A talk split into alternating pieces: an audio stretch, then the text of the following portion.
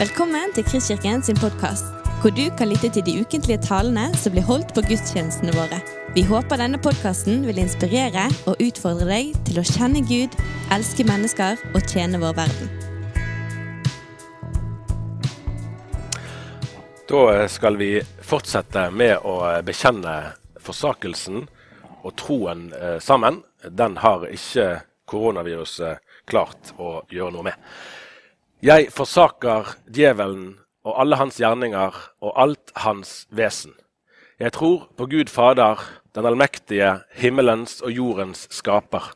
Jeg tror på Jesus Kristus, Guds enbårne Sønn, vår Herre, som ble unnfanget ved Den hellige ånd, født av jomfru Maria, pint under Pontius Pilatus, korsfestet, død og begravet. For ned til dødsriket, sto opp fra de døde tredje dag for opp til himmelen, sitter ved Guds den allmektige Faders høyre hånd, skal derfra komme igjen for å dømme levende og døde. Jeg tror på Den hellige ånd, en hellig, allmenn kirke, de helliges samfunn, syndenes forlatelse, legemets oppstandelse og det evige liv. Amen. Kjære venner, da er vi altså igjen samlet på denne ganske amputerte måten, må vi kunne si. Det begynner vel å bli en slags eh, vane, dette, men det er ikke noen eh, spesielt god vane. For gudstjeneste, det er jo fellesskap. Og det er det fellesskapet som blir begrenset når vi ikke kan møtes. Men vi får takke for at vi bor i et land med samvittighetsfulle og dyktige ledere og så får vi benytte de mulighetene vi har til å møtes, og ellers gjøre vårt for at denne unntakstilstanden blir så kort som mulig. Og heldigvis kan vi samles om Guds ord, enten vi sitter sammen i denne salen eller et annet sted, eller om vi er hver for oss. Som Thomas sa i sted, så er vi i dag kommet til siste del av serien Etterfølgelse, der vi har gått gjennom de syv sendebrevene i Johannes' åpenbaring. Tenk gjerne igjennom for deg sjøl hva du har fått ut av disse brevene. Hva det er som har gjort sterkest inntrykk. Oppfordringen om å høre hva Ånden sier til menighetene, det var utgangspunktet for at vi fra Eldsterådets side ønsket å gjøre disse brevene til et sentralt tema i forkynnelsen denne høsten. Vi tror at Den hellige ånd fortsatt taler til Kirken, og at vi kan be om å få ha åpne åndelige ører. Derfor er etterfølgelse en god overskrift på denne serien. Det korresponderer med Jesu egen oppfordring da han samlet disiplene med ordene 'følg meg'. Den minner oss òg om at kristenlivet ikke har sitt utgangspunkt i oss sjøl, men i det Jesus har gjort for oss. Vi følger etter en annen. Jeg har gledet meg til å snakke om eh, brevet til menigheten i Laudikea i dag. Det kan høres paradoksalt ut, for menigheten der får ikke akkurat toppkarakter. Men selv om det kan føles ubehagelig, så er det godt for oss å bli møtt av Guds ransakende blikk. Det skal vi komme tilbake til.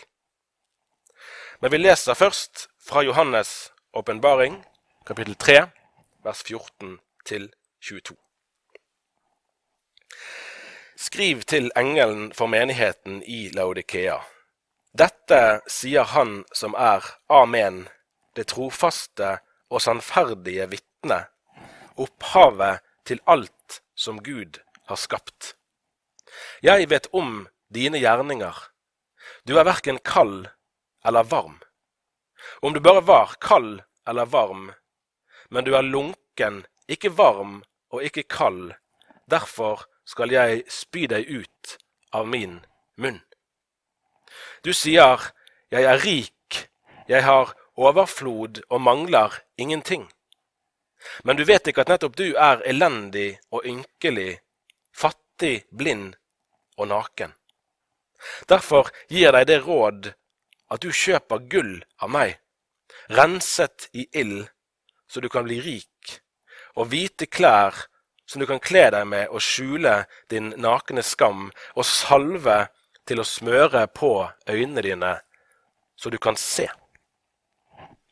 Jeg refser og irettesetter alle dem jeg har kjær. La det bli alvor, og vend om. Se, jeg står for døren og banker. Om noen hører min røst og åpner døren, vil jeg gå inn til ham og holde måltid, jeg med ham og han med meg. Den som seirer, vil jeg la sitte sammen med meg på min trone, slik jeg selv har seiret og satt meg med min far på hans trone. Den som har ører, hør hva Ånden sier til menighetene. Det betyr noe hvem det er som snakker. Når vi sitter i redaksjonen i avisen der jeg jobber, og vurderer om vi skal publisere et innsendt debattinnlegg eller ikke, så er naturligvis det viktigste om teksten er interessant.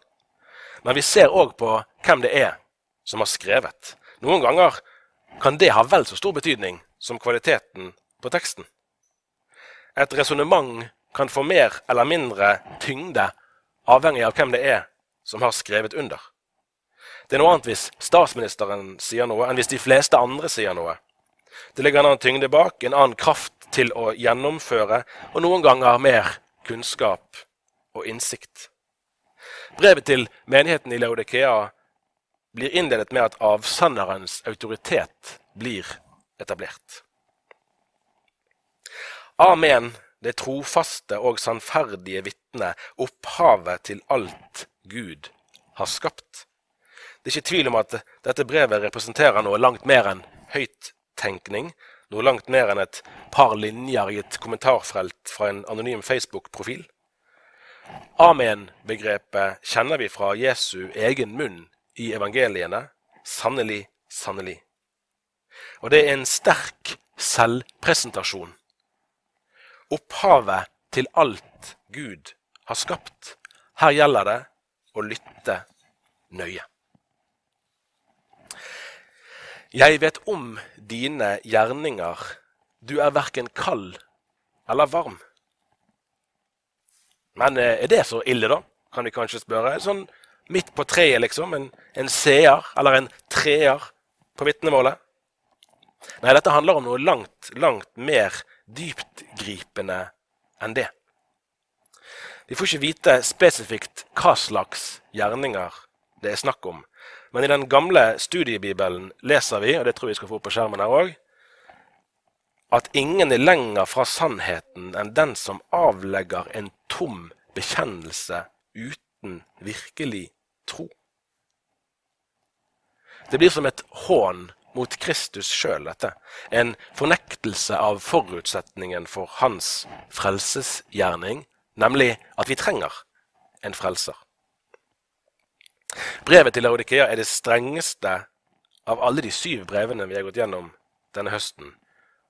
Det setter en, en alvorlig, men samtidig varm og inviterende tone til slutt i serien. Ikke så mange kilometer unna Laudikea lå Hierapolis, en by som var berømt for sine varme kilder. Det var heller ikke langt til Colosset, som var kjent for sitt kalde drikkevann. Så både varmt og kaldt vann er nyttig nyttig hver til sine formål. Lunkent vann, det er ikke det helt store. Vi ser i flere av brevene at referansene i tekstene ser ut til å være knyttet til helt konkrete lokale forhold i mottakerbyene. Og Sånn er det her også. Laudikeas lunkenhet står som et bilde på deres likegyldighet, på deres selvbedrag. Og Hvis vi blir i den gamle studiebibelen, så finner vi en beskrivelse til som utfordrer oss, nemlig at menneskelig talt, eller sett, så var det ingen by i Lille Asia som var mer velstående enn Laudikea, men etter åndelige mål var det ingen menighet som var fattigere. Noe av det jeg husker best fra studiene i statsvitenskap, var den gangen vi hadde besøk av en amerikansk, tror jeg, i hvert fall en engelskspråklig gjesteforeleser som snakket om sammenhengen mellom materiell rikdom og religiøs tro. Regelen er ikke uten unntak, bl.a. passer ikke USA helt inn i skjemaet som ble tegnet opp. Men i mange tilfeller kan vi observere at med økning i materiell velstand ser det ut til å gå nedover med gudstroen. Dette har jo òg Harald Eia snakket om på norsk TV ganske nylig. Det er litt som vi hører gjenklangen av advarslene fra 5. Mosebok 8, dette, der Moses mot slutten av sitt liv talte til israelsfolket. Vokt deg så du ikke glemmer Herren din Gud. Når du spiser og blir mett, når du bygger fine hus og bosetter deg i dem, når du får mengder av gull og sølv og hele din eiendom vokser, vokt deg da så du ikke blir hovmodig og glemmer Herren din Gud, Han som førte deg ut av Egypt, ut av slavehuset, leser vi der i vers 11 til 14. Eller som apostelen Paulus advarer i andre brev til Timoteus kapittel 3, vers 1 til 5. Du skal vite at i de siste dager skal det komme vanskelige tider, for da skal menneskene være selvopptatte og pengegriske, brautende, hovmodige og spottende, ulydige mot foreldre, utakknemlige og uten respekt for det hellige, ukjærlige og uforsonlige, baktalende, ubeherskede, rå og ondsinnede, svikefulle, oppfarende og innbilske. De elsker nytelser høyere enn de elsker Gud. I det ytre har de Guds frykt, men de fornekter gudsfryktens kraft. Antagelig kunne mye av dette vært sagt om menigheten i Laudikea. I brevet i Johannes' åpenbaring leser vi at menigheten var elendig og ynkelig, fattig, blind og naken. Hvor mye av det som kunne vært sagt om oss, får vi be Gud om å vise oss. Hvis dette er en treffende beskrivelse av Guds menighet i Norge i dag, der vi er en del, så finner vi vel ikke så mange som i så fall setter ord på det. Jeg er rik, jeg har overflod og mangler ingenting, het det i Laudikea. Hvordan er vår opplevelse av vår egen åndelige tilstand? I samfunnet vårt står vi i denne tiden her, som vi alle vet, overfor en sykdom som vi foreløpig ikke har noen tilfredsstillende medisin mot, nemlig covid-19. Så dermed er planen vår å minimere faren for å bli smittet. For hvis vi blir smittet, så er det i verste fall ikke sikkert at vi blir friske igjen. For menigheten i Laudikea lå problemet et annet sted. Medisinen var tilgjengelig. Og det var ikke størrelsen på lommeboken som avgjorde om de var i stand til å benytte seg av den. Problemet lå snarere i at de ikke forsto behovet for denne medisinen. De innså ikke at de var syke. Det kan være skjebnesvangert. Så Det siste av disse brevene er altså mer konfronterende, eller enda mer konfronterende kan vi si, enn de foregående.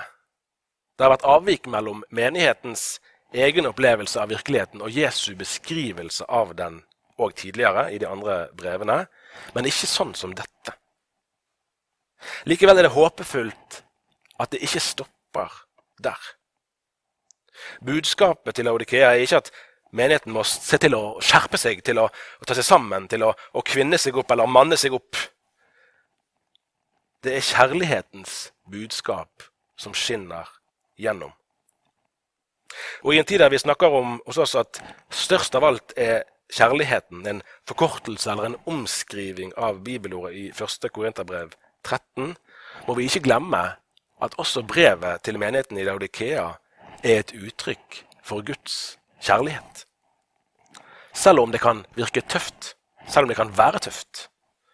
Selv om det er alvorlig, ransakende, ja, refsende. Også dette er kjærlighet. I tidligere oversettelser sto det om tukt. Nå er vel det ordet blitt så fjernt for oss at vi ikke helt vet hva det betyr, så det fungerer ikke lenger så godt. Så nå står det 'Jeg refser og irettesetter alle dem jeg har kjær'. La det bli alvor og vend om. Dette er jo svært tydelig tale. La det bli alvor. Slutt å leke med Gud. Vend om. Under en gudstjeneste i den danske folkekirken en sommerferie for jeg tror det er tre år siden, så hørte jeg en prest si at Gud har aldri vært harmløs. Gud rammer alvor. Hun sa òg at når Gud får være Gud, så får vi være mennesker. Begge deler er både presist og aktuelt.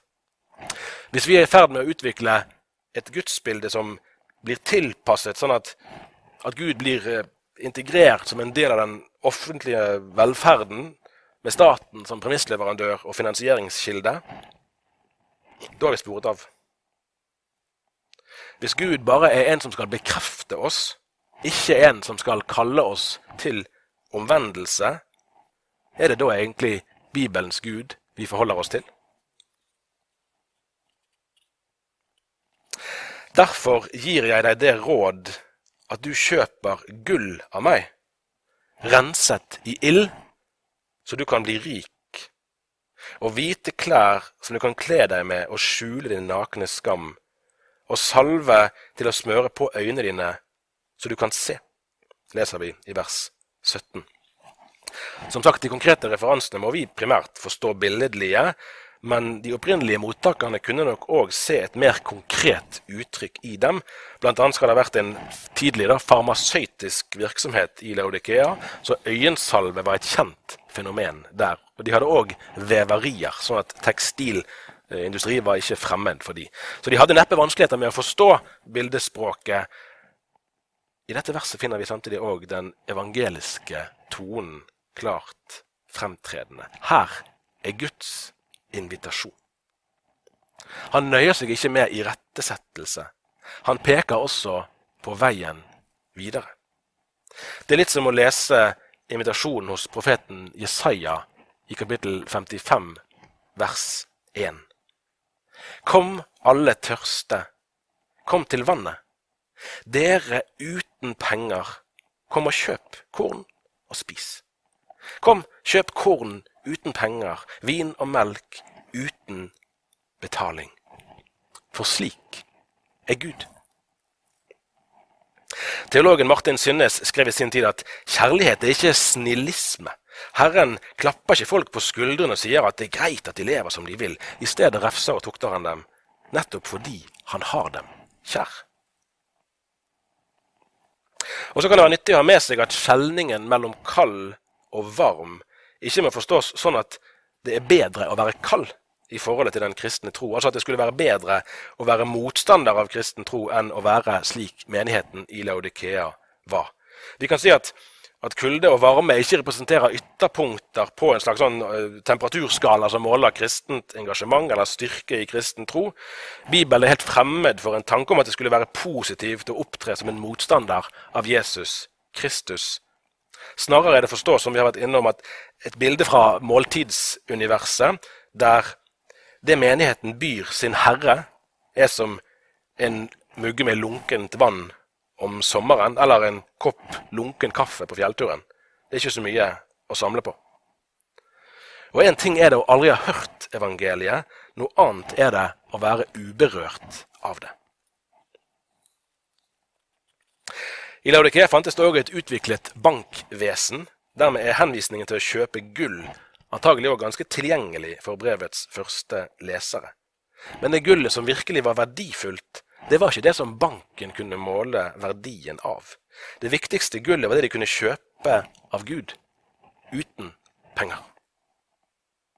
Og så, like etter oppfordringen til omvendelse, leser vi den nydelige invitasjonen. Se, jeg står for døren og banker. Om noen hører min røst og åpner døren, vil jeg gå inn til ham og holde måltid, jeg med ham og han med meg.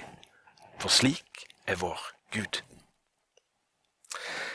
Laudikea-menigheten trodde at Herren var innenfor, men de hadde eller var i ferd med å støte ham ut.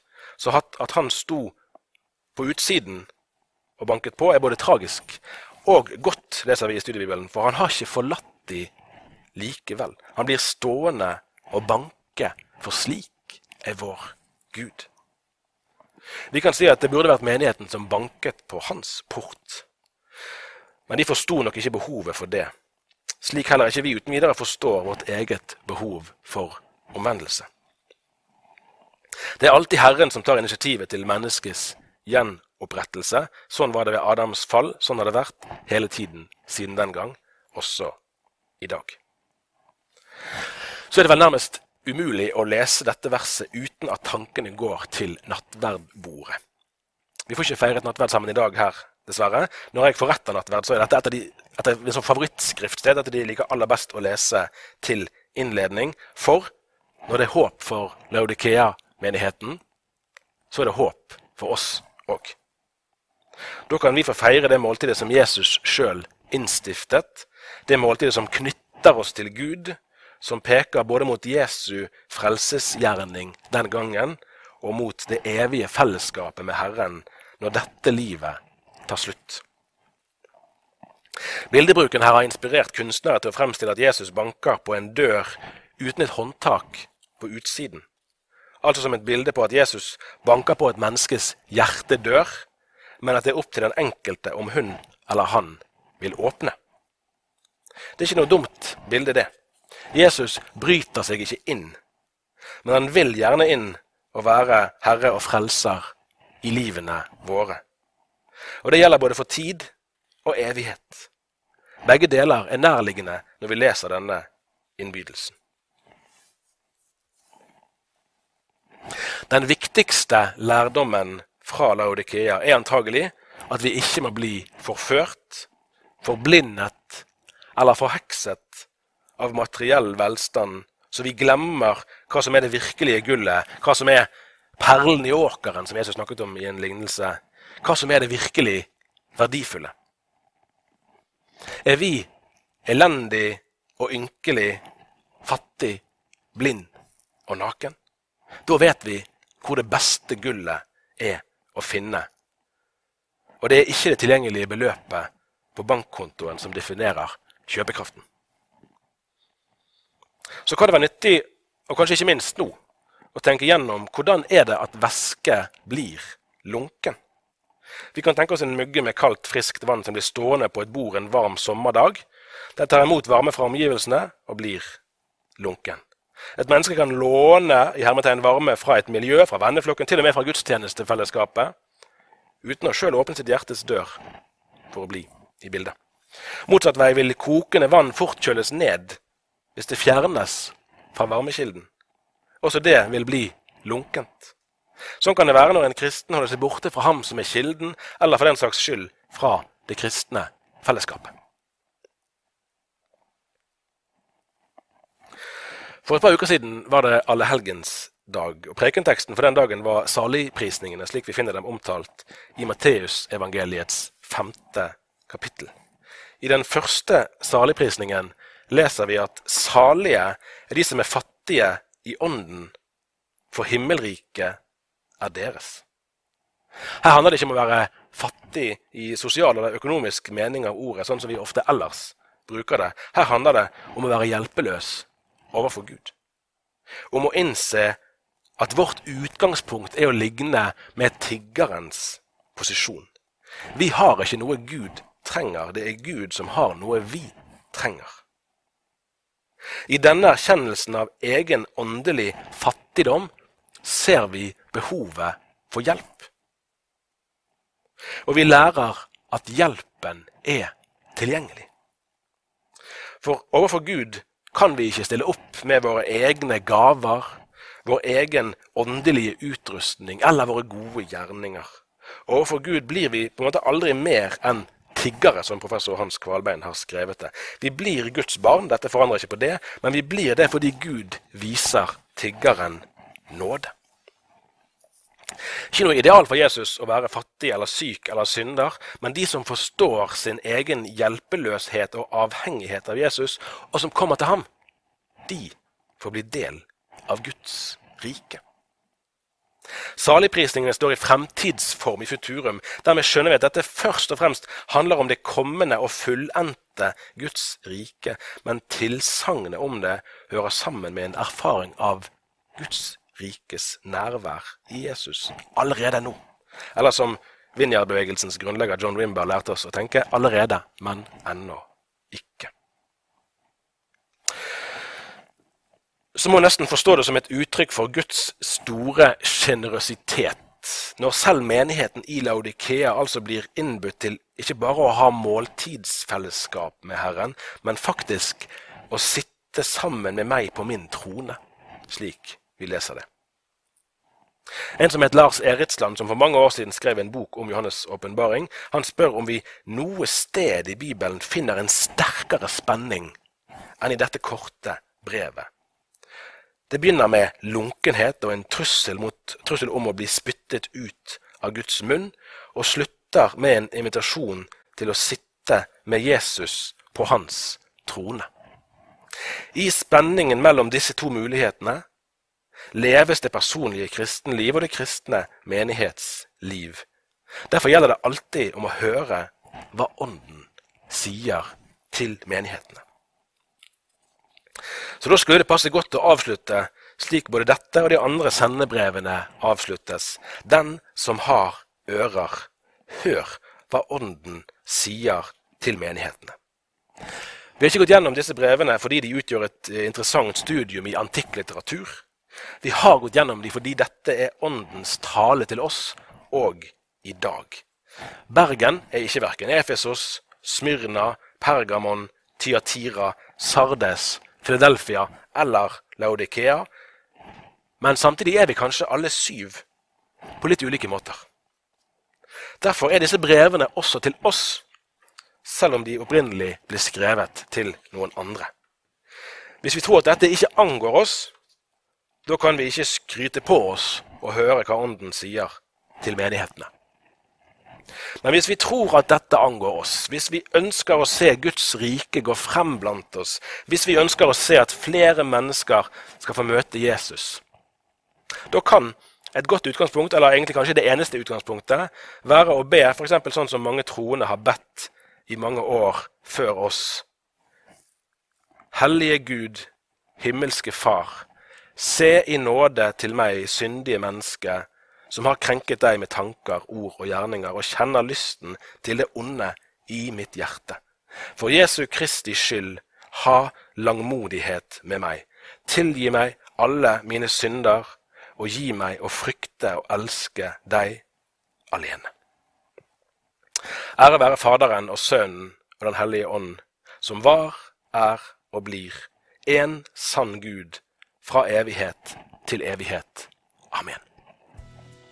Du har lyttet til en podkast fra Kristkirken i Bergen. Vi håper du har blitt inspirert og utfordret i din vandring med Gud. Vil du vite mer om oss, så klikk deg inn på kristkirken.no.